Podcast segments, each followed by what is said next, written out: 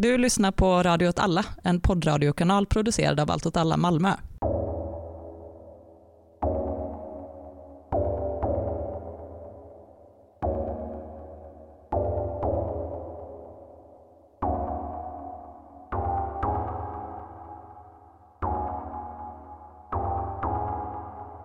Hej och välkomna till Eld och rörelse.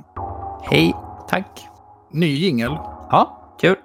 Stort tack till vår nya jingelmakare. Ja, Jonas som eh, han då heter. Det, han är inte rädd för att gå ut i offentligheten. Nej, han tvekar inte en sekund med att använda ett generiskt förnamn. Ja, det är fan no surrender. Kul med ny jingel. Nu när det här spelas in så är detta är ju lite ett eh, sommaravsnitt då. Ja, för att vi antagligen sänder det ett tag efter vi spelar in. Ja, och att vi redan har ett avsnitt på lager liksom. Så det skjuts ju fram lite i framtiden. Så det, vi får väl se när det här släpps. Det är den 15 juni, eller hur? Det är alldeles riktigt. Måndag den 5 juni. Nej, 15. måndagen den 15 juni. Och eh, ifall det kanske händer något jättestort i den här regionen, kommer vi prata om idag. Får vi se. Det vet vi inte. Mm. Hur är läget med dig? Jo, men det, det är bra. Eh, ja, eh, det är varmt. Jättevarmt. Mm. Du tycker det är sådär härligt? Nej, jag är inte jättemycket för värme. Du gillar det? Ja, mer än när det är kallt i alla fall. Mm. Det- Lagom är ju bäst, som det brukar heta. Ja, det brukar det heta. Riktig boomer-kommentar. Hur är det med din sömn? Eh, ja, nej, jag var uppe nio i morse, var med på något Zoom-möte på internet, somnade om, vaknade vid tolv igen. Mm. Din då? Nej, men helt eh, småbarnsförälder normal. Somna halv tio, tio. Bästa fall upp eh, kvart och sex. Så nej, men det är väl okej. Jag är lite allergisk så här i perioder nu. Det är lite läskigt i så här coronatider. Jag Ja, vet just liksom det. inte riktigt vad, vad det är som är vad liksom. Jag har bränt mig så fan också. Riktig bonnabränna. Jag var på landet i, i helgen. Härligt. Men eh, nog om det. Nog om det. Dagens ämne. Ja, förra avsnittet då så pratade vi om eh, varför uppror vinner. Ja, Och då undvek vi lite eh, en fråga som är vad är att vinna? just det. Så det här kommer igen då bli ett lite militärteoretiskt avsnitt, men med en stor bit historia inspräckt. En, vad heter det? en fallstudie. Så kan man säga. Och då frågar jag dig, kan du definiera en militär vinst? Att man uppnår de mål man vill uppnå med hjälp av sina militära medel, kanske. Mm? Ifall vi tänker oss krig som en förlängning av diplomati med andra medel, eller hur vi nu lärde oss i avsnittet om fred och krig. Politik med andra medel då, Clausewitz. Just det, så var det. Då måste man väl vinna när man uppnår det man vill politiskt uppnå. Ja, men det är väl så här svar A1. Man sätter upp mål och sen så uppnår man de målen. Och de som har uppnått sina mål har vunnit. Mm. Och då kommer ju andra frågan då. Till vilken kostnad som helst? Nej, det är klart.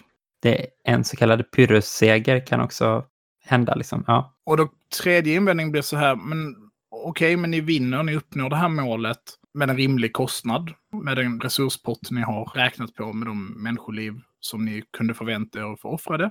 Men alla andra pratar om det, den hegemoniska positionen, det narrativet säger att ni förlorade. ja. För att den andra sidan hade andra mål som de kan se sig uppnått då också, eller? Ja, eller att bara berättelsen i efterhand är att ni förlorade. Ja, men det tycker jag ändå inte. Då har man ju fortfarande vunnit, fast bara folk har fattat fel, eller vadå? Ja, om ditt egna land upplever det som att ni förlorade. Som då det här landet, som den här staten som använder de här militära krafterna för att uppnå de här politiska målen. Om man uppnår de politiska målen. Det är så här bakvänt på vinnarna skriver historien. Ni har inte skrivit historien, alltså har ni inte vunnit. Mm. Okej, ja. För att om man då vänder på det och säger om man förlorar, men alla tycker att man vann. Man uppnår inte de politiska målen man hade. Men alla tycker att det var jättebra gjort ändå. Eller starkt, eller vad det nu kan vara. Har man ändå förlorat då? Det är uppenbart en filosofisk fråga här som inte är helt lätt att besvara. Nej, det finns även en fjärde tradition. Okej, men där håller vi. Det är in, inte fler sen. Okej. Vad är den fjärde? Men den fjärde är väl att man kan säga att vinst och förlust i krig inte är narrativt och det är inte då de här målen och det är inte målen med kostnadseffektivitet utan i alla krig så kommer det fram ett typ av regelverk mellan parterna. Det är en process som skapar ett regelverk som nästan kan förstås som spelregler i en sport. Eller liksom någon annan utmaning. Och det är i det regelverket man kan se vem som vinner och förlorar. Okej. Ja, det, um, du får nog utveckla den biten mer för att jag ska hänga med riktigt. Ja, men om du tänker dig att de flesta militärkonflikter, som vi vet, är ju inte gigantiska konventionella krig mellan alla världens supermakter. Nej. Utan oftast är militärkonflikter väldigt småskaliga och sker under kanske kortare period. Och ser vi historiskt sett tidigt 1900-tal och 1800 och 1700-tal så kanske den militära konflikten handlar om nautisk gräns till exempel, eller att ens militära flottor eh, har lite skärmytslingar eller gränskonflikter. Ja. Och många gånger så har inte de konflikterna från början det här Clausewitzka tänkandet om uppnått politiskt mål, utan konflikten har sin egen logik.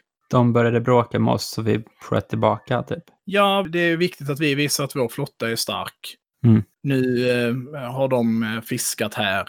Alltså, Ja. och i den processen så kommer det uppstå ett regelverk om vad det är man har en konflikt om. Så de här politiska målen är liksom formulerade löpande under konflikten och har egentligen inget värde i sig, utan det enda värdet de här målen har är att vinna konflikten. ja, just det. Mm. Och då blir det ju lite som att man uppfinner ett spel, fast med människoliv istället. Låter ju dumt när du säger det så. Ja, det är dumt. Krig är nästan, nästan alltid jättedumt.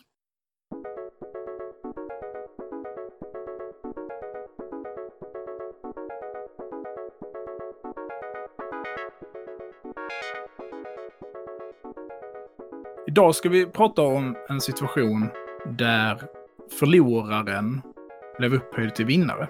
Ja, Okej?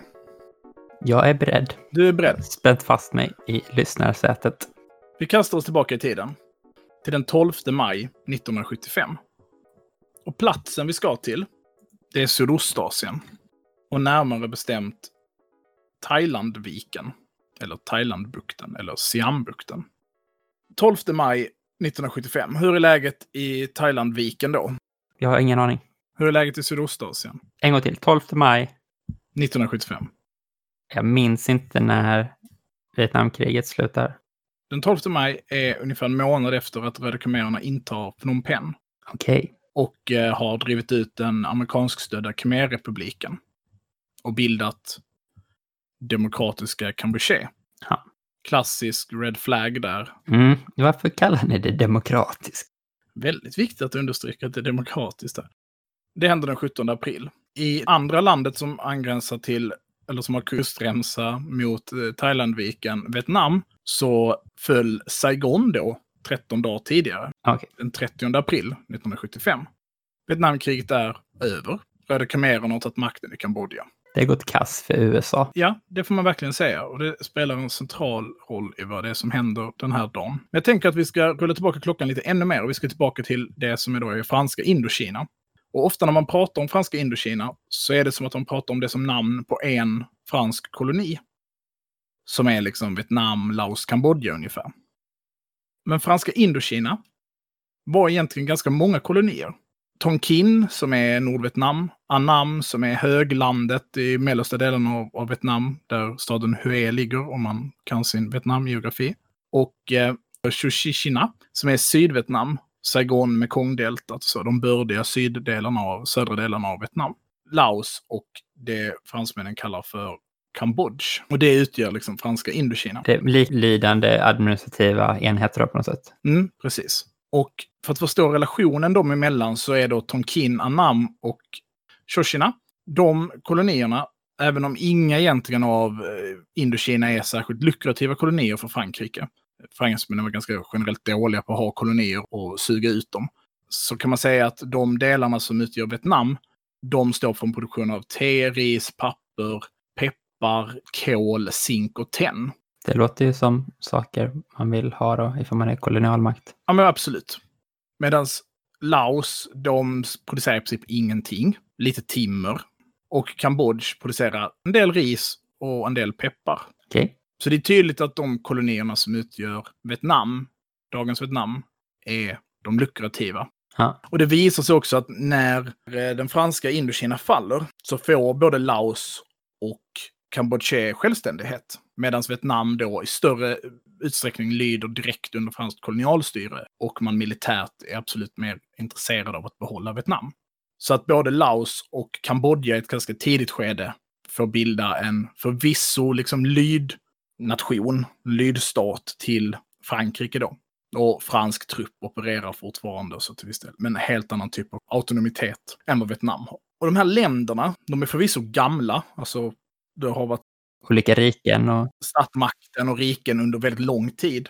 Men gränsdragningarna mellan de här olika för detta kolonierna då, eller mellan de här kolonierna, Tonkin, Annam, Chichina, Laos och Kambodja, de dras ju av kolonialmakten. Ja.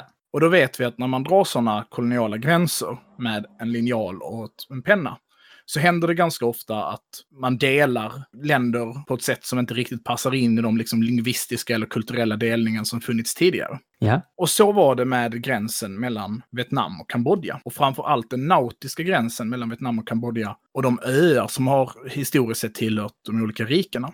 Och den här linjen, den heter Breivlinjen, döpt efter Jules Brevi som drog den. Jag tror han gjorde mer än att bara dra den på papper. ja, ändå starkt att bli känd för att man drog ett streck på en karta. Jävligt säker på hand. Ja, Det är det. Klart. Han behövde ingen linjal eller passare. Det blir då eh, gränsdragningen som blir när Kambodja blev självständigt år 1953. Och det blir också gränsen mellan Vietnam och Kambodja mellan prinsen och premiärministern i Kambodjas samtal med Nordvietnam 1967, alltså un- under pågående inbördeskrig eller befrielsekrig i Vietnam. Alltså Kambodjas amerikanskstödda prins, som också råkar vara premiärminister, sluter helt enkelt ett avtal med Nordvietnam och säger vi respekterar den här gamla franska koloniala gränsdragningen mellan våra nationer som våra nationsgränser. och båda parter är med på det här.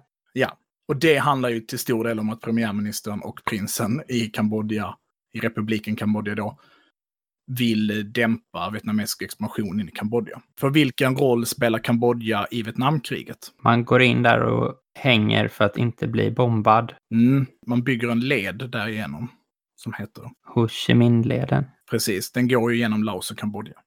Och man har stora truppförflyttelser och, och förflyttelser av krigsmateriel inne i Kambodja. Och det gör ju att Amerika är väldigt måna om att försöka få den kambodjanska staten att driva ut Nordvietnam. Mm. Och Nordvietnamesiska kommunistpartiet är väldigt måna om att stödja det kambodjanska kommunistpartiet. Som går under namnet Khmer Rouge. Precis, de röda khmererna. Som då får agera både någon typ av flankskydd åt NVA, alltså Nordvietnamesiska armén, PAN, och samtidigt då ses som ett politiskt projekt att helt enkelt omkullkasta monarkin i Kambodja och införa ett socialistiskt styre i Kambodja. Men till vems fördel, ifall man säger så, är den här gränsdragningen? Är det en bit av det som borde varit Vietnam? Eller borde och borde, men du fattar vad jag menar. Ja, jag skulle säga att den är till Vietnams fördel. Och framför allt i den, i den eh, nautiska, alltså i öarna.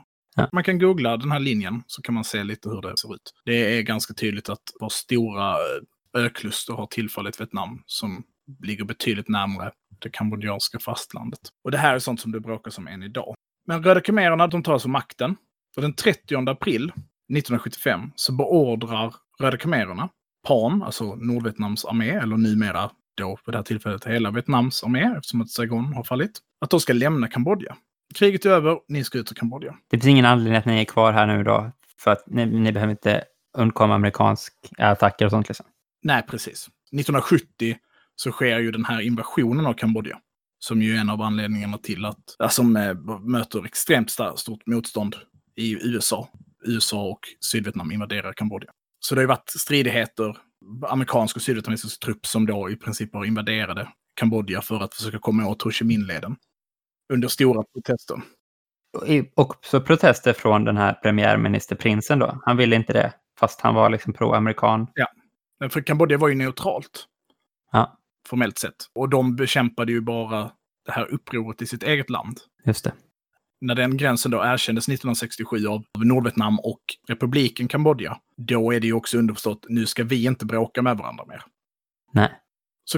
Röda khmererna med Pol Pot i spetsen säger till Vietnams armé, den här tidpunkten, okej, ni är färdiga, ni får sticka ut ur, ur Kambodja. Ja. Och då svarar PAN, Vietnams armé, det ska vi inte alls göra. Det här territoriet tillhör Vietnam. Ah.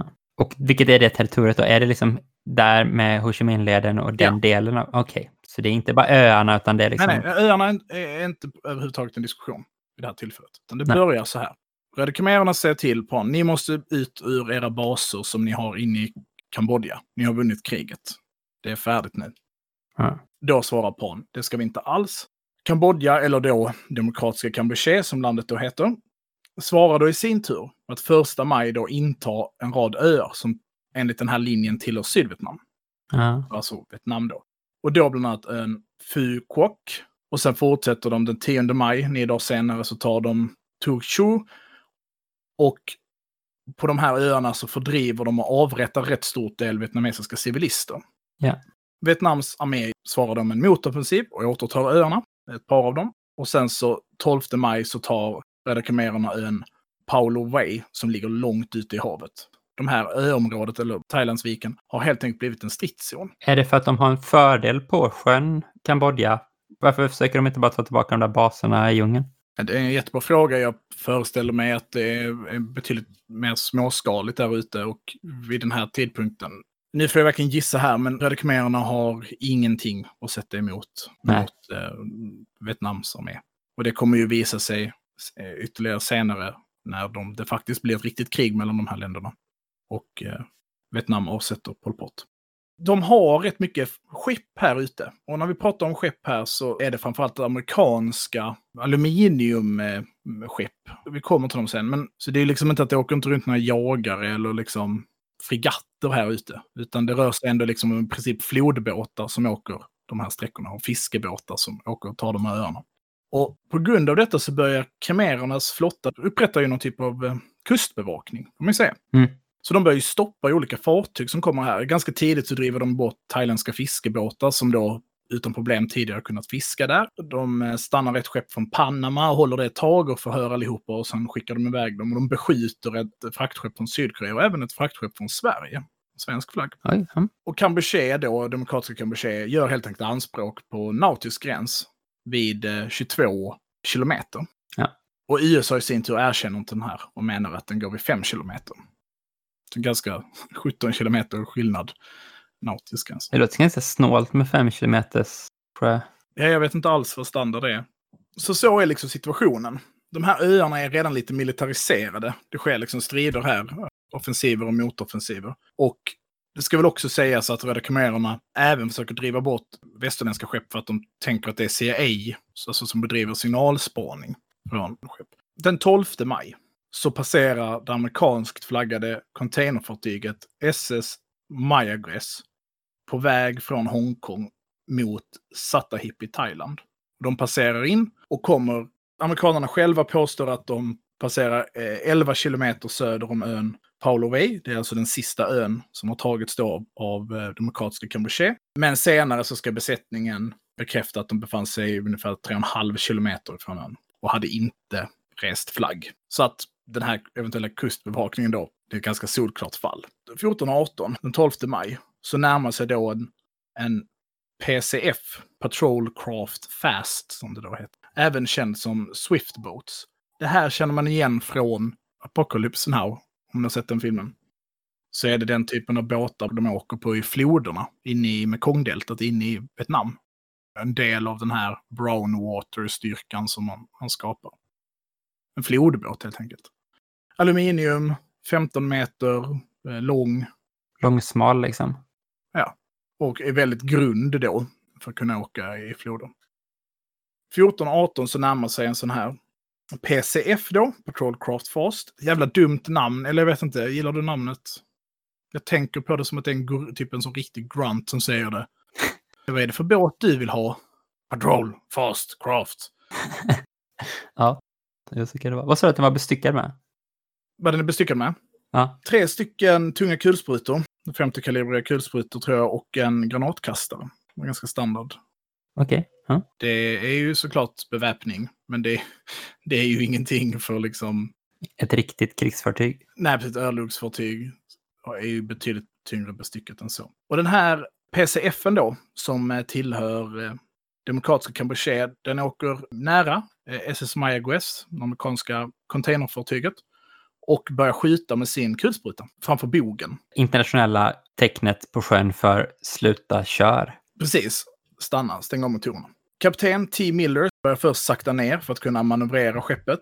Men när kumererna khmererna avfyrar ett raketgevär, B40 antagligen, alltså en RPG-2, så skickar han ut ett SOS-meddelande och stänger av motorerna.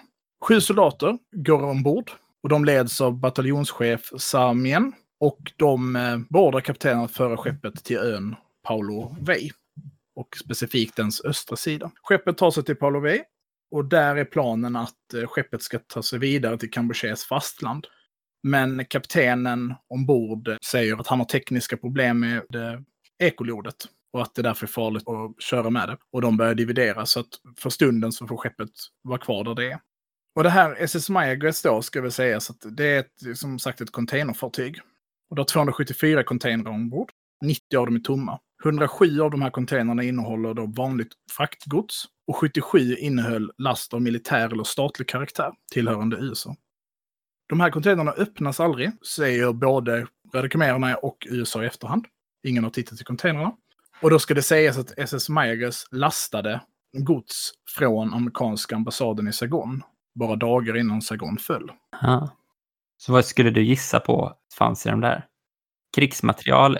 Eller är det liksom så här typ hemliga arkiv? Frakten på fartyget var eh, försäkrat till ett värde av 5 miljoner dollar vid tidpunkten. Jag tror det motsvarar ungefär 23 miljoner dollar idag. Jag tänker att den innehåller papper. Ja. Att det är bara är dokument. Och det är ju såklart jätteviktigt. Det ska väl också vara så att den här kapten T. Miller ska ha ett brev från amerikanska staten som han ska öppna in case of emergency. Och det brevet blir bränt, så det vet man inte vad det står i det. När han öppnar det, läser det, bränner det liksom. Ja. Du får absolut inte låta någon öppna de här containrarna kan det till exempel stå. Ja, Eller så står det gå in i de här containrarna och bränn det som finns i dem. Ja, visst. Eller liksom ta ut de här dokumenten eller eh, skruva loss de här bitarna på de här robotarna. Eller vad det nu kan vara. Kasta det i sjön. Ett SOS-meddelande har i alla fall gått ut. USA nås av den här informationen via Indonesien, där de har en eh, militärbas. Och då går det då till National Military Command Center, som tidigt på morgonen, den 13 maj då, får information. I USA är Gerald Ford president. Hur kommer Gerald Ford till makten i USA? Det vet jag inte, bara han är väl inte vice president? Ford. Gerald Ford. Ja. Hur blev han president?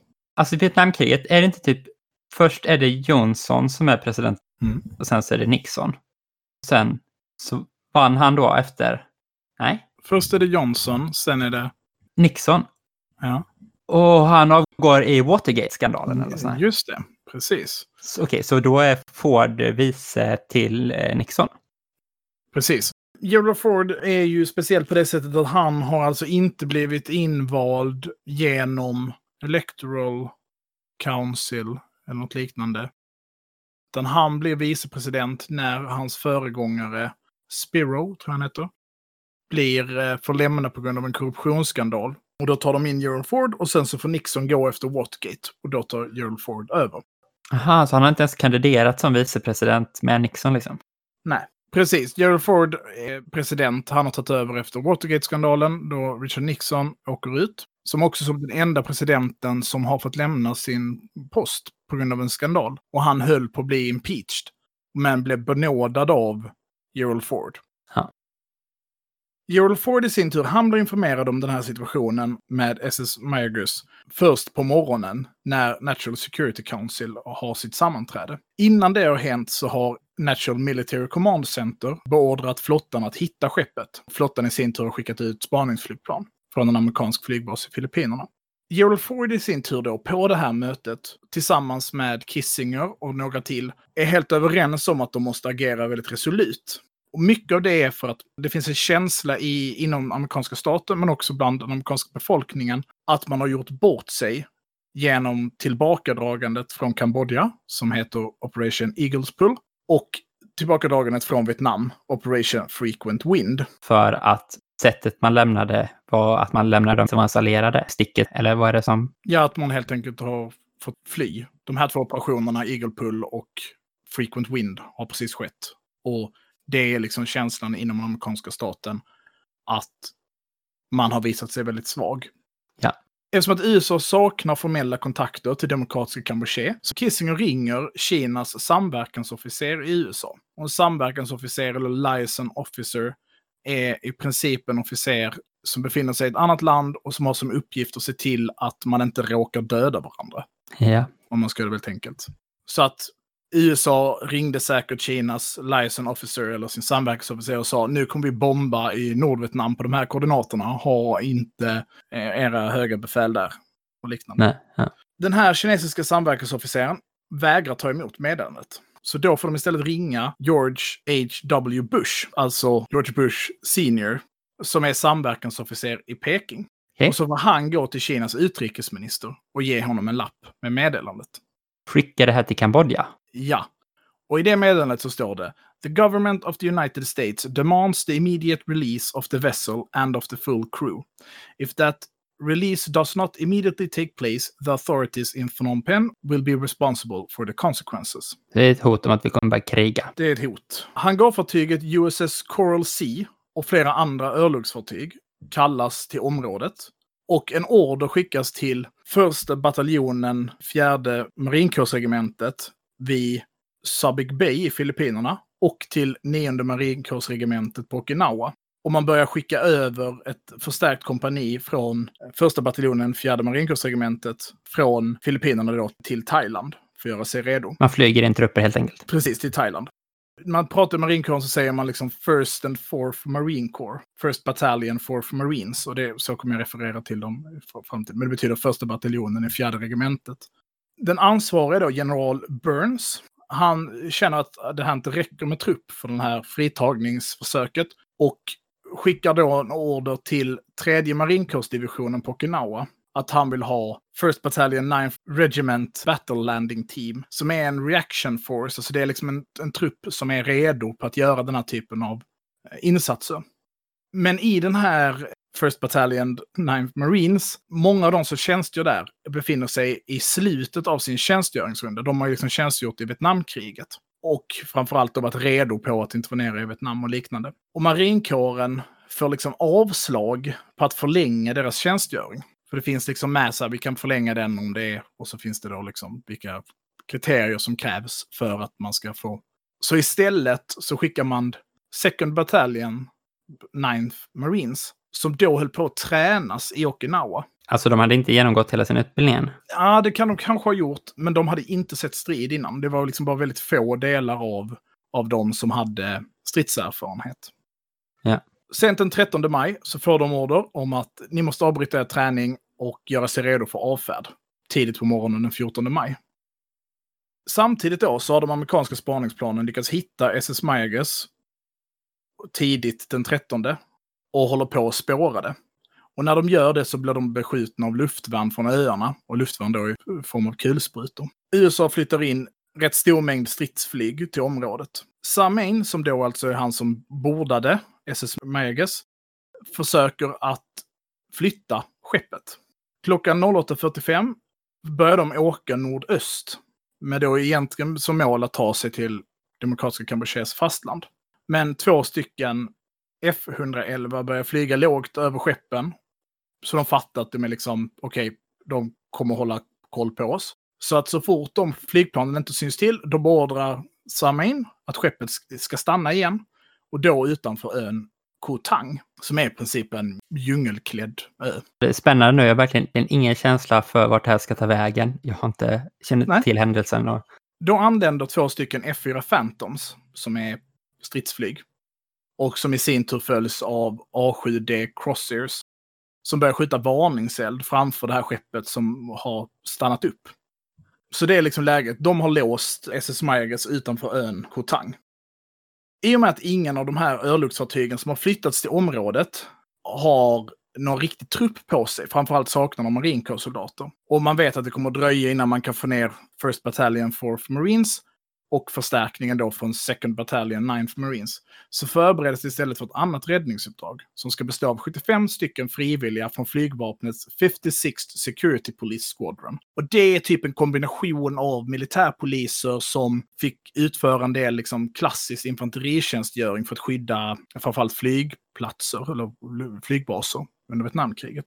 Och de här skulle då transporteras med hjälp av fem stycken HH-53 Jolly Greens och sju stycken CH-53 Knife helikoptrar. Skit i beteckningen på helikoptrarna, det är liksom helt enkelt flottans helikoptrar kan man säga. De är liksom till för att landa på hangarfartyg och fartyg generellt. Men Jolly Greens och Knives heter, kallas de. Var skulle de åka ifrån? De skulle åka från den bland annat hangarfartyget USS Coral Sea som har anlänt till området. Så de har fått ihop 75 stycken frivilliga soldater från 56 Security Police Squadron. Planen var att soldaterna skulle landa eller repelleras ner på SS Magus från helikopterna och återta den.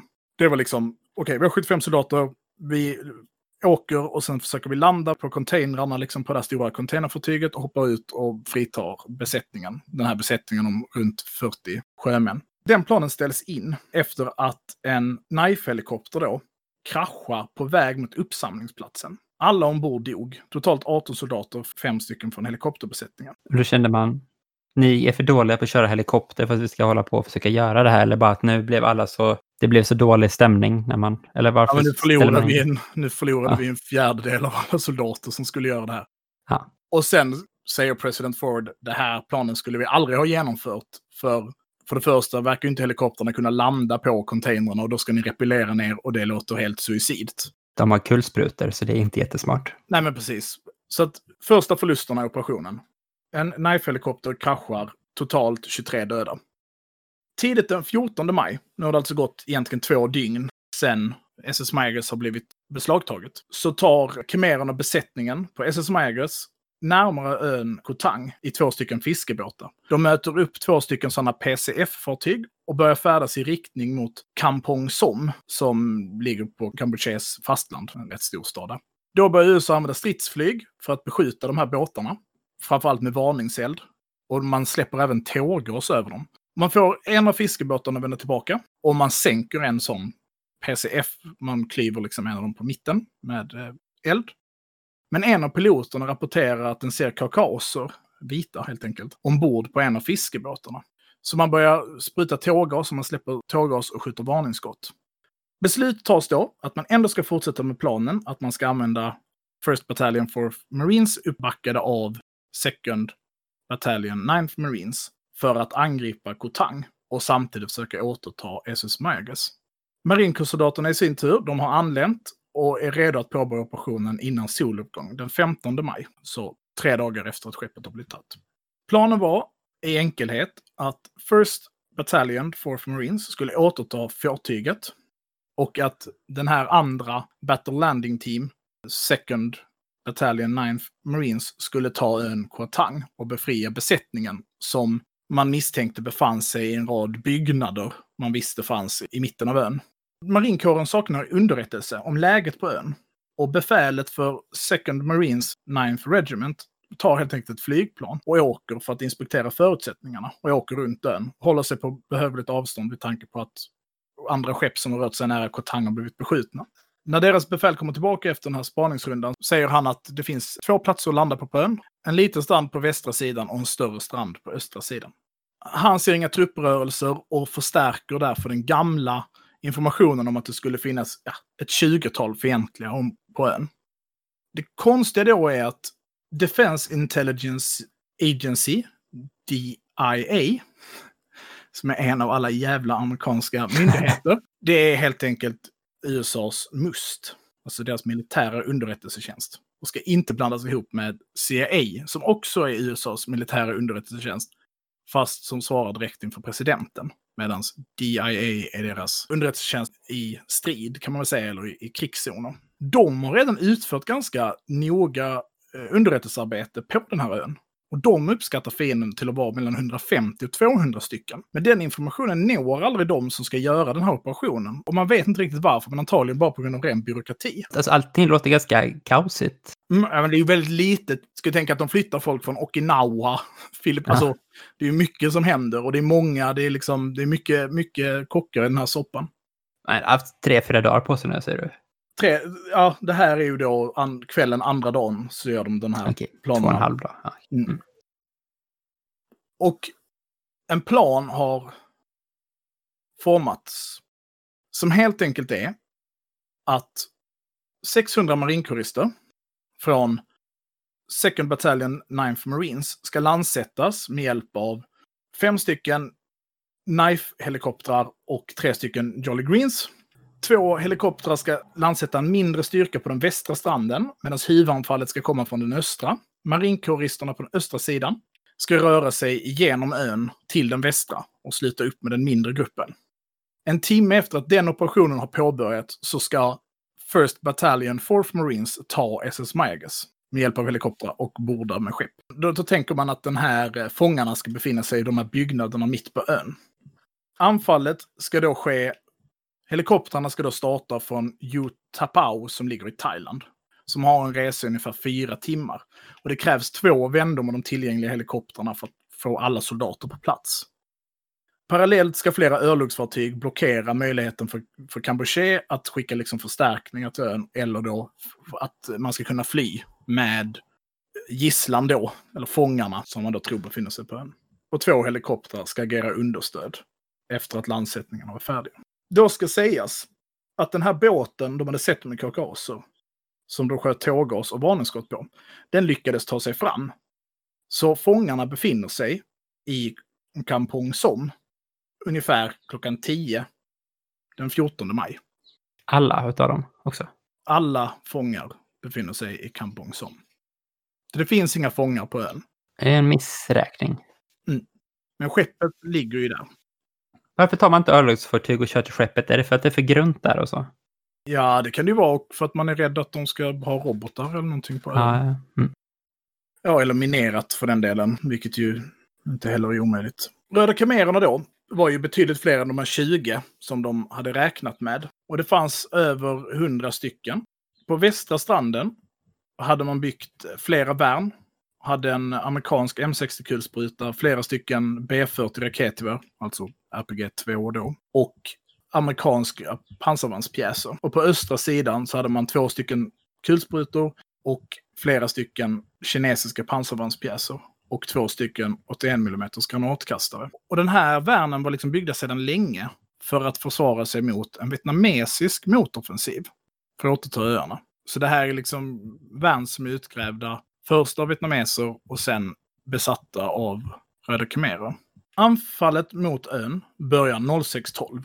Åtta helikoptrar, fem CH-53 och tre stycken HH-53 lyfter, tar med sig marinkårssoldater. På västra stranden anländer de två helikoptrarna, det är två stycken CH-53, alltså två stycken Knife, 06.20.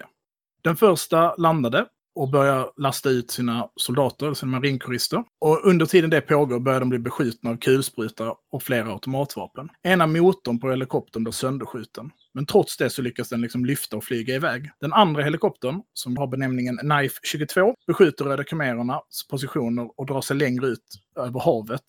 Och vänder till slut om på grund av skador den fått utan att ha lastat av sina marinkårister. Så första helikoptern har helt enkelt släppt av folk, blivit allvarligt skadad och dragit. Och den andra helikoptern, Knife 222, Har dratt. har dragit. Så det är riktigt trist för ett gäng som står på stranden där. Det ska också sägas att på Knife 22 så befinner sig också kompanibefälet. Ja. Så de som har blivit avsläppta, det är en pluton, sitter där själva. 06.30 så närmar sig helikoptrarna den östra stranden. Så tio minuter senare. Och de blir tidigt beskjutna och helikoptern Knife 31 blir träffad av två raketer från en B40.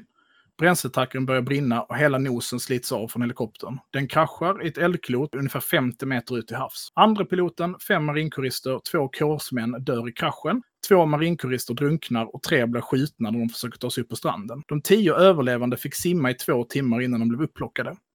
Och en av dem var bataljonens flygledning som simmar runt ute till havs med en radio och leder in understöd från flygplan helt enkelt tills batteriet tar slut i, hans radioapparat. Ja, det är ändå speciellt att han... Ja, det får man säga. Lyckas Han får med det, ja. Medalj sen också. Ytterligare en av helikoptrarna på östra stranden blir träffad tidigt av en raket. och får stjärtrotorn avskjuten och kraschar på stranden. Marinkurister lyckas ta sig ut levande, de flesta av dem. Knife 32, en annan av helikopterna, blir också träffad av en raket och fick avbryta landningen. Två andra stridsgrupper leds då om för att man har hört vad som har hänt på västra stranden. Ja. Så två liksom, helikoptrar flyger iväg för att försöka undersätta trupperna där. Och man kallar in en AC-130 Gunship. Ett flygplan vi nämner i första avsnittet. Det är det här, man tar ett stort fraktflygplan och sätter massa kanoner på magen på det. Ja. Operationen för att ta SS Mayagus har gått betydligt bättre. Då skeppet har varit helt tomt. Så man bara tar det. det är en av få skepps till skeppbordningar som har skett i modern tid. Okay. Under ett slag. Så klockan 07.00 så var det ungefär 100 marinkurister på ön, uppdelade på tre olika platser. På östra stranden var det bara en pluton kvar. Och man försöker nu evakuera dem. Man lyckas landa en Jolly Green-helikopter. Men de här soldaterna, plutonen, vågar inte springa till helikoptern. För att det är så mycket fientlig eld. Så helikoptern tvingas lyfta igen. Men har då ådrat sig så allvarliga skador så att den får nödlanda i Thailand och är ute ur matchen. Det har gått dåligt hittills. Det får man säga. Av de här åtta helikoptrarna så var alltså tre förstörda, fyra allvarligt skadade så pass att de inte kan delta vidare i operationen. Så det finns alltså tre helikoptrar kvar från operationens början. En från de som används vid Kotang och två som används vid bordningen av SS Mayagus. Då drar man in de resterande tillgängliga helikoptrarna som finns då i närheten, framförallt då på andra örlogsfartyg, och kommer upp i fem helikoptrar. Och försöker landsätta resterande trupper som fanns kvar då i Thailand på Utapao. Klockan 11.50 försöker Knife 52, Knife 51 och Jolly Green 43 att landa på östra stranden. Knife 52 får sin bränsleslang sönderskjuten och de två andra helikoptrarna tvingas dra sig undan för så pass allvarlig fientlig eld. Då till det roliga. 06.07, alltså innan den här operationen påbörjas, så går demokratiska Kampucheas utrikesminister ut med ett meddelande. Regarding the Mayagas ship, We have no intention of detaining it permanently, and we have no desire to stage provocations. We only wanted to know the reasons for its coming and to warn it against violating our waters again. This is why our Coast Guard seized the ship. Their goal was to examine it, question it, and make a report to higher authorities who would then report to the royal government, so that the royal government could itself decide to order it to withdraw from Cambodia's territorial waters and warn it against conducting further espionage and proactive activities. This applies to this Mayagas ship and to any other vessels like the ship flying Panama flags that we released on May 7th, 1975. Så innan det här börjar så har Kampuchea gått ut och sagt vi kommer släppa allihopa nu. Har det något världspressen och så då? Nej, det har det inte hunnit göra. Men däremot så vet ju Vita, Vita huset får informationen strax därefter. Ah. Vita huset tror inte på det här. Och bordar därför den här operationen att den ska fortsätta. Och det är därför den påbörjas överhuvudtaget. Och i den operationen så innefattar den också en rätt hård bombning av mål i Kambodja. 07.15 så lastas den här besättningen som varit gripen på en fiskebåt och skickas ut mot den amerikanska flottan. Samtidigt då sitter de här hundra marinkuristerna fast på den här tomma ön och de har tagit det tomma skeppet de skulle få tillbaka. När besättningen var frisläppt och skeppet säkrat så beordrar USA trupperna att upphöra med liksom alla försök att eh, ta ön. Ta ön liksom. Och istället ska förbereda sig på att bli evakuerade. Och en långsam evakuering påbörjas där man liksom först får landsätta massa av trupp så säkert som möjligt och ungefär dygn håller man på och evakuerar i strid. Alltså mm. stupade lämnas kvar och den sista helikoptern lämnar ön klockan 20. Klockan 20.20 så kommer det ett radiomeddelande till flygvapnet där en amerikan frågar om när deras upphämtning ska ske. Först så tror inte flygvapnet på det och tänker att det är liksom lur från Röda khmererna. Men soldaterna kan liksom bekräfta sig via sådana autentifieringskoder. Och de får som svar då, ja men du och dina två kumpaner, ni kan simma ut till havs och så hämtar vi upp er. Men får som svar att det inte är möjligt. Det är bara han som pratar som kan simma av dem. De har glömt tre stycken någonstans. Så.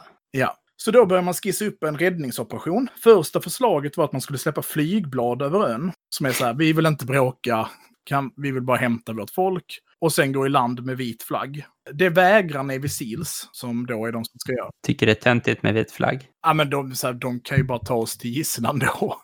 Jo. Ja. Mm. Och istället så vill de göra nattlig räd. Men det godkänns inte. eftersom att ordrarna om att upphöra med aggressionerna kommer liksom direkt från presidenten. Så de här tre marinkåristerna hämtas aldrig. Och deras historia är liksom utredd mycket senare, efter Pol Pot-regimen faller i Kambodja. Då har man kunnat pussla ihop. De lever på den här ön i ett par dagar och stjäl ris av soldaterna. Och de är i så dåligt skick att när de till slut grips så binds de inte ens. Utan de får liksom äta ihop med soldaterna, så de, har liksom, de kommer inte sticka någonstans. Liksom. Och de förs till Kampuchea och avrättas. Ja. Om du värderar, låter det här som en seger? Jag tänkte att det skulle komma nu. Hur kommer det här beskrivas i efterhand då? Nej, det låter det inte, men de fick den här besättningen och de fick båten, så man kan ju då måla upp det som det, antar jag.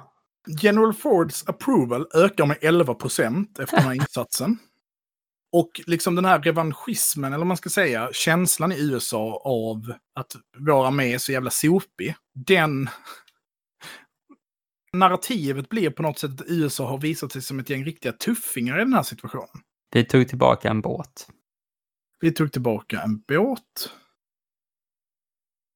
Mm.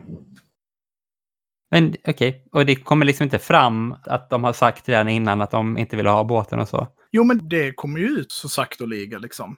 Men... Då är det så att de blir tvingade till det, eller? Eller det narrativet får bara aldrig genomslag? Det narrativet får aldrig genomslag. Ford framstår som en handlingskraftig och tuffing president. Och hans eh, stöd ökar med 11 procent. Ja. Sen så kan det finnas, liksom, de slår sönder rätt stora delar av Kampucheas flotta och flygvapen med de här bombningarna. Men det har liksom ganska stora politiska nackdelar. En sak med det gör ju att Kampucheas och USAs relation blev fullständigt förstörd. Ja. Vilket de ändå hade ett visst intresse av på grund av Kampuchea och Vietnams konflikt. Thailand har inte godkänt att USA skulle få använda Utapao som bas när de skulle genomföra den här operationen. För det är ju liksom ett grannland till Thailand. Ja. Alltså Kambodja är ju ett grannland till Thailand. Det fuckar ju ändå lite deras relationer och så. Ja, det, så det kan ju dra in Thailand i ett krig. Om den här situationen hade eskalerat, vilket den har, absolut hade väldigt stor risk att göra. Och de hade blivit vägrade detta. Av, USA hade blivit vägrade av Thailand att använda den på det här sättet av den rätt nya thai-regeringen som var civil, liksom, och inte en junta då. Men USA fick godkännande av militären till att göra det. Så efter det blev USA tvungna till att stänga alla sina militärbaser i Thailand. Ja. Vilket ju är en ganska stor nack. Alltså, är en... Då har man förlorat något. Mm. Jag vet inte. Det här är i alla fall i efterhand narrativet beskrivet som ett seger för USA. Och det är därför jag tycker det är så spännande. För jag kan liksom inte få det. Hur många förluster har man tagit? Man räknar på att USA tog 15 soldaters direkta förluster i strid. Tre fångade och senare döda, de pratar vi om. 23 stycken på grund av helikopterkrascher. 50 skadade, tre stycken helikoptrar totalförstörda. Kampuchea då, i sin tur, räknar man på hade mellan 13 till 25 döda. Om man tittar på normala amerikanska operationer under kalla kriget, framförallt 60-70 och liksom även senare, så är detta väldigt ovanliga siffror. Ja, visst. Det brukar dö mångdubbelt fler än de amerikanska soldaterna. Ja, det pratade vi om i förra avsnittet om att slå Goliat, liksom. Vilka förluster Nordvietnam och eh, FNL tog i kriget mot eh, Amerika. Ja. Ja, liten eh, ja. långkörare, lite uttömmande kanske. Ja, men absolut en intressant händelse, verkligen, att höra om. Och den räknas då som den sista, de sista stridigheterna i Vietnamkriget. Ja. Okay, ja. Mellan USA och... Eh, Alla de andra. ja, eller de sista striderna för den amerikanska inblandningen i Vietnamkriget.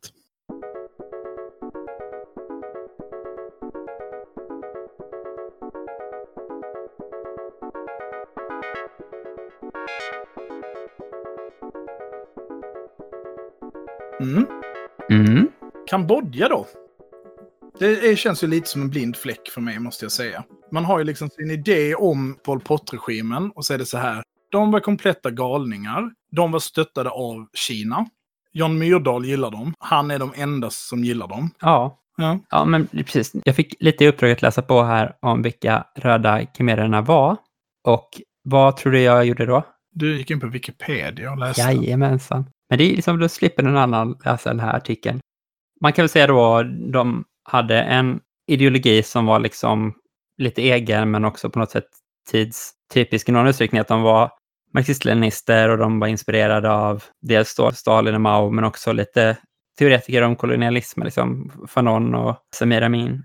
Sen så hade de också en väldigt stark eh, nationalistisk idé. Men det slutar ju med på något sätt att Vietnam går in och avsätter den khmerska regimen, även ifall de sen då blir en grilla istället igen och hänger ju kvar och bedriver grillakrig in på 90-talet. Vad är det, 93 eller någonting det tar slut? Jo, det är väl liksom för att Röda khmererna är den av FN erkända regeringen. Är det inte också så? Men det är fram till Sovjet faller. Efter det så slutar det liksom. Och det är Okej. ingen som stödjer dem längre och då så bara ja, fortsätter de kajka runt där. Men stödjer Sovjet? Nej, nej, det är västmakterna som stödjer Ja, khmererna som den legala regimen i, i Ja. Kambodja. Mm. ish. Tillsammans med lite andra oppositionsfraktioner Mm. liksom. Bara inte den Vietnam-allierade regimen. Men man kan väl säga det att den här nationalistiska biten kan man ju på något sätt spåra tillbaka till att Kambodja hade varit under vietnamesisk och under thailändsk liksom, ockupation eller erövring tidigare i historien innan kolonialismen. Så att det finns någon sorts bakgrund till varför man är så starkt nationalistiska. Men det är ju helt urballat att man mördar massa människor för att de är vietnameser och så. Och även efter ett tag, folk som har fel etnicitet inom partiet och så blir utrensade. Ja, jag vill minnas att det till och med är på nivån att Röda khmererna rensar också ut officerare som blivit utbildade av FNL eller eh, Nordvietnamesiska armén. Ja, men säkert. Det finns också den här idén om nationellt oberoende då genom att man ska bygga en stark jordbruksbas. Man ska inte kunna bli dominerad av andra nationer för man ska vara helt självförsörjande. Det är liksom någon så här maoism på steroider. Istället för att ha ett stora språng så har man ett superstora språng till exempel. Man har ju, ja, Spännande. Annars så brukar ju det vietnamesiska kommunistpartiet beskrivas som mer stalinister än Stalin. ja, och här får man ju lite känsla av att Röda khmererna är mer maoister än Mao. Ja, men absolut. Och de ser väl också upp till Albanien. Och det är väl också någon sån mer maoister än Mao-grej. Men sen så tar de ju avstånd från kommunismen då. Efter kriget med Vietnam. Då släpper man det och blir bara något helt eget istället. Det är ju någon sån här kultmässig sak över hela det här projektet. Och någonting som har pekats på är att de var en del munkar då som gick med och på något sätt tog med sig den religiösa approachen in i strukturerna i partiet och så. Men det var Okej. väl inte Pol Pot men att det fanns de tendenserna. Men jag tänker på det här att när man ser det här, precis som du säger, att man tycker det är galet på 70-talet, hur kunde de vara så dumma, svenska vänster och Myrdal som åkte dit och inte fattade vad som hände och allt sånt. Och så känner man själv, jag har liksom ingen koppling till det här och så får man argumentera med någon liberal eller någonting så är man ju så, men är du dum eller? Det är ju klart att vi inte kan ta ansvar för vad de gjorde. De var ju till och med i krig med Vietnam. Ja, men precis. Är det så jävla skönt med Kambodja just av den anledningen? Att man bara kan säga så här, "Ja, men vem var det som avsatte dem? Jo, precis. Ja, det är skönt. Det är ju skönt, men det är också på något sätt det här lätta förhållningssättet Ja. man intar då. Och jag brukar vara mer pepp på det än vad du brukar vara. Men det blir väl intressantare i ett eget samtal inom vänstern ifall man mer tänker på vad likheterna med ens eget sätt är på något sätt. Mm. Och då blir det konstiga paralleller här jag tänkte göra, men för det är så Ja. olika storleks, st- st- storlekar i liksom folkmord och så här sektig stämning på internet och så. Mm, just det. Men ändå att jag tänker att det handlar inte bara om ideologi så här. Ja, de var maoister och jag är inte maoist så det har ingenting med mig att göra. Utan att sådana här saker är, är liksom en social dynamik i rörelser och liksom en psykologisk dynamik på något sätt som har med omvälvning och sådana saker att göra, med revolutionära skeenden på något sätt. Det är återkommande med att det blir någon sorts väckelsestämning och så. Det kan man ju svara tillbaka till franska revolutionen. Hur det var en rörelse att nu ska vi göra upp med allt det gamla och då ballade det ur till slut. Är det nu du kommer till Black Lives Matters statyvältningar? Nej, det är inte statyvältningarna, men Du jämför det med eh, Pol Pot? det, det gör jag inte. Jag gör Ah, inte okej. Jag vet vem jag ska ringa Men- och prata om det här med. Ja, ja, Venezuela guy. Nej, men både i metoo till exempel och Black Lives Matter så finns det ju så här sekteristiska uttryck. Att man håller på med drev och det verkar mer fokuserat på att hitta liksom de som är närmast en själv som har gjort fel kända och framstående personer som är vänster på något sätt som har gjort någonting som kan ses som dåligt. Det är liksom på något sätt ett kicksökande att hitta sådana exempel och dreva. Och... Kan du ge ett exempel på det bara så att nu låter det lite som att du typ överslätar sexuella övergrepp. Jag tänker att det inte är det du syftar Nej, men själv, Ja, precis. Jag tänker också att det är, folk fattar det själva, att det inte är det det handlar om. det Eh, lät så här, som i metoo till exempel. Nej, men jag, är inte- jag, jag är inte färdig med, Nej, nej, vad med, med spaningen. Liksom. Att det är ju det här sakerna som eh, högern hela tiden fokusera på, sådana exempel då, och eh, även delar av vänstern som är liksom den här och semivänstern, de här liksom eh, vi måste vara realister, vi är de här klassiska marxisterna, vi, vi tycker det viktigaste är att kritisera andra som är vänster och så får vi utrymme i borgerlig media för det och så. Att man tar sikte på det, de här sekteristiska uttrycken, men att man själv då från mitt perspektiv, eller jag tänker vårt perspektiv, är att man ser sådana där saker hända och så tänker man så, ja, ja, men det är väl inte det viktiga här. Det är inte det som, som är liksom de här rörelsernas eh, fokus och ursprung och syfte, utan det är en sån bieffekt som alltid blir. Jag tror att du, du brukar väl prata om att så här, alla revolutioner som faktiskt har uppnått någonting har också börjat äta sina egna barn, eller vad det är. Mm. Att det är liksom ett tecken på att man faktiskt har förändrat någonting i samhället när det finns ett utrymme för att gå in i den här sektiga, nu ska vi göra upp med allt-stämningen. Och alltså, det jag menar då är ju hur folk frossar i att erkänna sin egen skuld och avse sig sina privilegier och det är liksom det här kicksökandet i det, att det handlar egentligen inte om sakfrågan utan att det, vem, vem kan vara mest utelämnande eller vem, vem, vem kan man hitta som är mest vänster som man kan liksom anklaga för någonting? Jag vet inte, de pratar om det här i Stormens utveckling lite grann, att det blir en sån här koppling till den här generella personlig utveckling, ideologin i samhället som är liksom så här, hur ska du bli en bättre människa som individ? Att det Just det, det är väldigt stort. blir fokuspunkten istället för så typ, hur ska vi förändra strukturer? Och det liksom viktiga som händer med sådana här rörelser är väl just de strukturella förändringarna. Så hur kan de här rörelserna påverka polisens funktion i samhället, det strukturella våldet? Kan det bli en förskjutning i att den som är utsatt för ett övergrepp inte längre behöver skämmas för att berätta om det, utan att det faktiskt är förövare som måste skämmas för vad de har gjort. Mm. De liksom stora omvälvande sakerna tycker man är det som är värt att bry sig om och sen så kanske man bara så här låter bli att kommentera eller så tänker jag att det är ens eget sätt att förhålla sig till. Alltså om man tänker då på liksom metoo eller Black Lives Matters eller liksom de andra så stora. Alltså, det är väl de som känns mest aktuella att kanske prata om just nu. Men om man då ska dra parallellen till maoismen eller vad man kan göra. Eller franska revolutionen för den delen. Så är det väl också att den här processen, utan att låta helt sjuk i huvudet nu, för jag förstår att det finns... I den processen, när allting ska ändras om, och alla idéer och tankar och maktpositioner ska förflyttas, då så kommer man behöva hitta skyldiga. Och det händer. Och det kanske behöver och behöver. Det verkar vara ett historiskt faktum att det händer. Ja, men precis. Ja. För att den här makten och de här känslorna och den här positionen, de är ju, den har ju varit riktig. Och du har dina förövare. I franska revolutionen, du har din godsägare eller prästen eller vem fan det nu kan vara. Liksom. Och i, i metoo så har du tafsaren som inte har varit rädd för dig, utan du har varit rädd för den som har alltså, gjort fel gentemot dig. Och nu ritas det om, då ska rättvisa skipas. Och man kan ju tänka, så man kan inta någon typ av rationell position i det och vara. Men det spelar ju ingen roll om du giljotinerar den här godsägaren. Vi har ju tagit hans gods. Vi har, vad fan ska han göra nu liksom? Eller, det här tafset blir inte ogjort för att du hänger ut den här killen på Instagram. Väldigt märklig parallell nu, men jag, jag lyssnarna Ja. får, får visa förståelse för den, den eh, osmidiga jämförelsen. Ja. Men människorna bär ju ändå sina erfarenheter. Och den utjämningsprocessen, om man ska kalla det det, eller rättviseprocessen, om man tar bort den ekvationen, då kanske aldrig upproret till sin början är möjlig. Utan att det är löftet om hämnd. Precis, det är drivkraften. Liksom. Är den individuella drivkraften då Ja. för den enskilda. Liksom. Eller, eller den som trotsade den första poliskedjan i Minneapolis. Den drevs inte av en strategisk, eh, Clausewitsk politisk mål, utan av de har dödat min son. Eller Mm. jag förstår den här händelsen som det offret, eller den underlägsna positionen jag var tvungen till, som har tagit riktiga, verkliga uttryck för mig. Och för att citera min, min far då, när jag skrattar åt honom över att de, hur fan kan man stödja Kambodja liksom?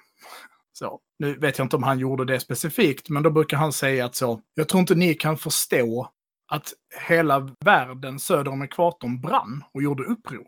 Nej. Och då stödde man de upproren. Ja, precis. Jo, men det är väl precis det som är liksom det f- funderar på den poängen liksom här, hur man ska förstå hur det händer och vad som... Ja, men det, någonstans tycker jag att det är ett verkligt liksom kval så, vad kan man bortse ifrån liksom och säga det här är en del av det som måste ske tyvärr. Ja, men I sin extremaste Mm. form så har vi det här mm, Bukharins eh, liksom brev till Stalin där han är så typ ja, jag fattar att jag måste dö, att du måste fejka att jag gjort ett brott så att jag måste bli avrättad här. Men kan du bara säga att du inte tror att anklagelserna är sanna? Liksom att när det till och med riktas mot ens egen person Mm. så accepterar man skedet för att den större liksom, historiska omvälvningen bygger på att sånt här måste hända. Och därför, men Nej men precis, och där ska man väl vara tydlig då om man då ska ta metoo, för det är väl den som kanske är känsligast att prata om. Så måste man väl som kille förstå, och det inkluderar liksom mig, att det kan ju vara ens huvud som rullar. Så. När den här processen sker, om vi ska uppnå liksom jämställdhet. Vi kan inte ha en situation där en del av befolkningen systematiskt begår övergrepp mot en annan del av befolkningen och så ska den jämlikheten upprättas utan att, att huvuden rullar. Jag kan inte föreställa mig hur den processen skulle se ut. Och då kommer det ju vara oskyldiga huvuden som rullar. Alltså det, så är det. det för all, all rättsskipning involverar en del missriktat eller liksom, för hade vi haft ett fungerande rättssystem som var jämlikt för alla medborgare, där liksom lagen var objektiv och inte fattiga dömdes hårdare än rika eller kvinnors vittnesmål togs på allvar eller vad det nu kan vara liksom. Då Ja. hade ju inte det här problemet existerat från första början. nej precis. Frågan blir ju då om, om eh, upproret i Kambodja aldrig skulle ske. För de huvudena som rullade där är ju på en fruktansvärd... Alltså det är ju, det är ju så att det är jobbigt att läsa om det. Och jag är ändå van vid att läsa en hel del skit och jobbiga grejer. Men, men det som händer i Kambodja är ju verkligen... eh, Ja, Det är helt bisarrt. Det, är ju- det är så bisarrt. det blir någon sorts mördarsekt liksom. Som, min poäng nu, och jag hoppas inte din heller, är inte att man ska komma fram till så här. Det här måste accepteras och det är okej för att i en omvälvande process så måste det här ske. Men att man kanske inte bara ska tänka på det så himla svartvitt och enkelt som fan vad folk är dumma eller onda eller vad man nu klär upp det i för ord som gör att det blir så här, utan det, det liksom är en... Kan man hålla lugnet när den typen av processer sker så ska man ju göra det. Men jag tror man måste visa ganska stor förståelse för att alla människor inte kan behålla det lugnet. Ju närmare du kommer den eh, kärnan i konflikten så... Alltså vi allihopa bär ju på sår kopplade till den eh, ojämlikhet som existerar i världen. Ja. Och så är det ju. Och utan att göra liksom en privilege walk av det, där man ska liksom mäta, så, så har ju alla våra individuella sår, förutsätter jag, som är kopplade. Och i vissa fall kanske de är väldigt små, men de finns ju där. Och att ta bort den känslomässiga reaktionen från frågor kopplade till de såren tror jag är kontraproduktivt. Nu blir det väldigt konstigt att prata om, vi ska binda ihop det här till röda khmererna kanske, men egentligen tror jag att röda khmererna i, i stor utsträckning är sammankopplat till saker vi har pratat om tidigare. Om nationalism som en grundbult i skapandet av en militär till exempel. Att röda khmererna i, i väldigt stor utsträckning förstår konflikten nationellt. Ja, Röda khmererna, alltså det, jag, som sagt, nu har jag läst på Wikipedia om Röda khmererna, alltså alltså, vad vet jag om det så, men jag tänker mer den svenska vänsterns förhållningssätt kanske till, till det på 70-talet. Liksom. Ja. Att det kanske är mer en rimlig parallell. Ja, alltså man får väl bara tänka, eller jag tänker väl ganska ofta då, fuck around and find out. Och att det är det som händer i många av de här länderna. Ja, det var ju såklart fruktansvärt och brutalt. Vietnamkriget är ju en helt, alltså det är en fruktansvärd process. Och Nordvietnam begår allvarliga, allvarliga övergrepp. Och kommunistpartiet begår allvarliga övergrepp mot civila i Sydvietnam och civila i Nordvietnam till viss del också. Men det hade ju inte behövt ske ifall inte supermakter hade åkt dit och gjort dem till slavar. Om de hade skitit i det från första början så hade ju den processen heller aldrig behövt hända. Nej. Så att om det är någon som ska bära skuld då för killing fields i- i Kambodja då till exempel, så är det klart att Röda khmererna ska bäras ansvar för de utförde dem. Men man måste ju också förstå den koloniala process som låg bakom skapandet. Vad fan hade Frankrike ligger för fan på andra sidan jorden. Vad hade de där att göra? Det är klassisk eh, eh, rad ur en progglåt. ja, men så Mm. enkelt är det ju. liksom. Så är det ju verkligen, absolut. Varför skulle fransmän gå runt där och tvinga dem att odla ris? Nej. Det är skitkonstigt. Det är verkligen Försök, för... det är jättekonstigt. Försök förklara det, förklara det för en, för en åttaåring. Ja. Jag tänker också, det är så här, ja, hur ska man förhålla sig till det, vad ska man göra? Så en sak är väl bara att så här prata om Mm. den här liksom motsättningen och, och försöka bara fatta det på ett rimligare sätt än att det har med goda och onda liksom, aktörer i världshistorien att göra. Men du, du var inne lite där på renhetstanken också. Som jag tänker för min del är nog lite separerad. Mm, men utveckla vad du... Nej, men att man kan liksom, man pratade om metoo till exempel. Så där tänker jag verkligen att vi har ett subjekt som på grund av, av en slump till stor del liksom fick igång en social rörelse som angrep sina fiender. Och började ställa dem till svars på olika sätt. Och sen ett annat beteendemönster vi ser, det kanske är mer det du pratar där om eh, Örebropartiet eller vad det nu kan vara. Alltså där man, tendensen att angripa de som står en närmst. Jag tänker att det är två lite olika saker. Ja, men jag tänkte nog inte, det tänkte jag inte vara ett exempel på att angripa de som står en närmst. Jag tänkte att de snarare var som ett exempel på hur högern och de fokuserar på de här uttrycken som att det är rörelsens kärna. Ah, ja, okej. Att Ivar Arpi skriver någon artikel om typ det som Black Lives Matter handlar om är att vita ska böja knä inför svarta. Alltså typ. Ja, ja, Och så bara finns det någon så här knäppt exempel då såklart med att folk ska tvätta någons fötter och be dem om ursäkt som att liksom rasismen var från den individen till den Mm. andra individen. Och så är man så typ, ja men det här låter ju så här som en konstigt sektigt beteende. Men det är inte det Black Lives Matter handlar om. Det är ju bara en sån absurd, och jag menar att den fokuset finns det också de här då, Örebropartiet eller vilka det nu må vara, liksom, Ja, som, som säger så här, ja, vänstern nu för tiden är så dålig, vi är den enda riktiga vänstern, för vi håller inte på med det där. Men det är, inte, det är ju ingen som håller på med det där, utom just de som håller på med det. Och de får vi förstå som ett urballat uttryck som kan uppkomma i en rörelse som omvälvar hela samhället. I den processen så kommer det hända sådana Mm. saker, men det är inte det som är kärnan i det som händer. Liksom. Nej, men precis. Då förstår jag din poäng. Då kanske vi får eh, klippa runt lite. Ja, Nej, ja. Men det, Mm. jag, jag kan förstå din... eh, Och som sagt, alltså Kambodja, det är inte riktigt kanske den bästa parallellen, men det var liksom, alltså det jag började tänka på när jag läste om det här med liksom, varf, varför höll vänstern i Sverige på att idealisera det som hände där? Och det kanske också kan spåras till att man inte visste allt och sånt, liksom, men ändå. Ja, och exotifiering och... Ja. Ja.